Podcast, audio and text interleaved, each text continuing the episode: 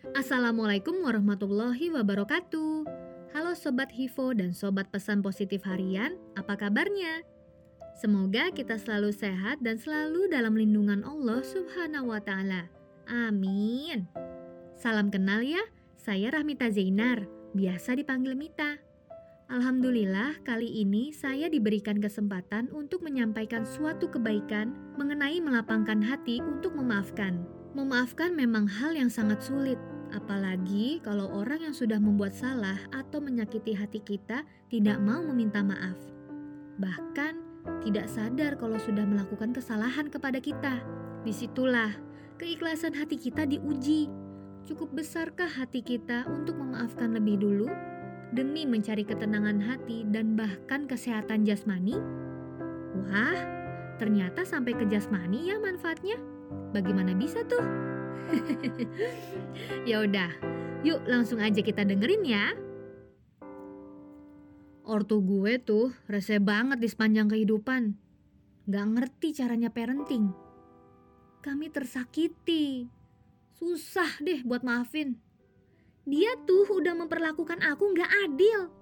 Sorry ya, lihat mukanya aja udah gak sudi. Aduh. Friends, dalam perjalanan kita hidup, wajar banget ada orang-orang yang silih berganti menorehkan luka pada hati kita. Barangkali memang karena salah paham. Barangkali karena mereka memang bertindak tidak sesuai. Banyak loh penyebabnya. Tapi, tahukah kamu seberapa besar khasiat memaafkan? Para peneliti dari University of California menemukan bahwa orang-orang yang bisa memaafkan kesalahan orang lain cenderung lebih rendah risikonya mengalami lonjakan tekanan darah. Sejumlah penelitian lain membuktikan bahwa rasa benci, dendam, dan permusuhan dapat memicu tekanan darah tinggi. Nah, dengan memaafkan, seseorang justru akan merasa lebih rileks untuk menerima kondisinya. Dengan kondisi mental yang lebih rileks, seseorang juga akan terhindar dari risiko pelampiasan stres yang lebih berbahaya, seperti penyalahgunaan alkohol, obat terlarang, tindak kriminal, atau bahkan bunuh diri. Astagfirullahaladzim. Kita juga bisa belajar banget dari Nabi Yusuf alaihi salam yang memaafkan kakak-kakaknya yang dulu pernah melantarkan beliau hingga beliau diperjualbelikan menjadi budak di Mesir. Mereka berkata, "Demi Allah, sesungguhnya Allah telah melebihkan kamu atas kami, dan sesungguhnya kami adalah orang-orang yang bersalah, berdosa."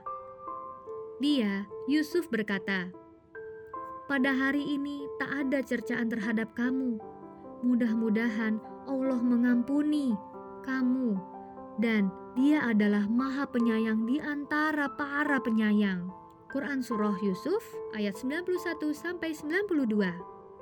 Masya Allah, keren banget ya Nabi Yusuf, mau legowo memaafkan. Tentu setelah kita tahu manfaat memaafkan, jadi punya alasan untuk berupaya memaafkan orang-orang yang pernah menyakiti hati bukan? Insya Allah ya.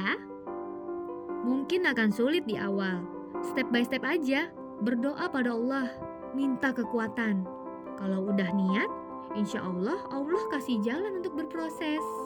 Amin, amin Allahumma amin. Lampu pijar. Nah, Sobat Hivo dan Sobat Pesan Positif Harian, semoga cerita sederhana tadi bisa bermanfaat dan membuat kita menjadi lebih baik dengan selalu mengingat kebesaran hati Nabi Yusuf alaihi salam untuk memaafkan. Terima kasih ya sudah mendengarkan. Nantikan episode podcast selanjutnya hanya di Hivo Podcast. Saya Mita, pamit dulu ya.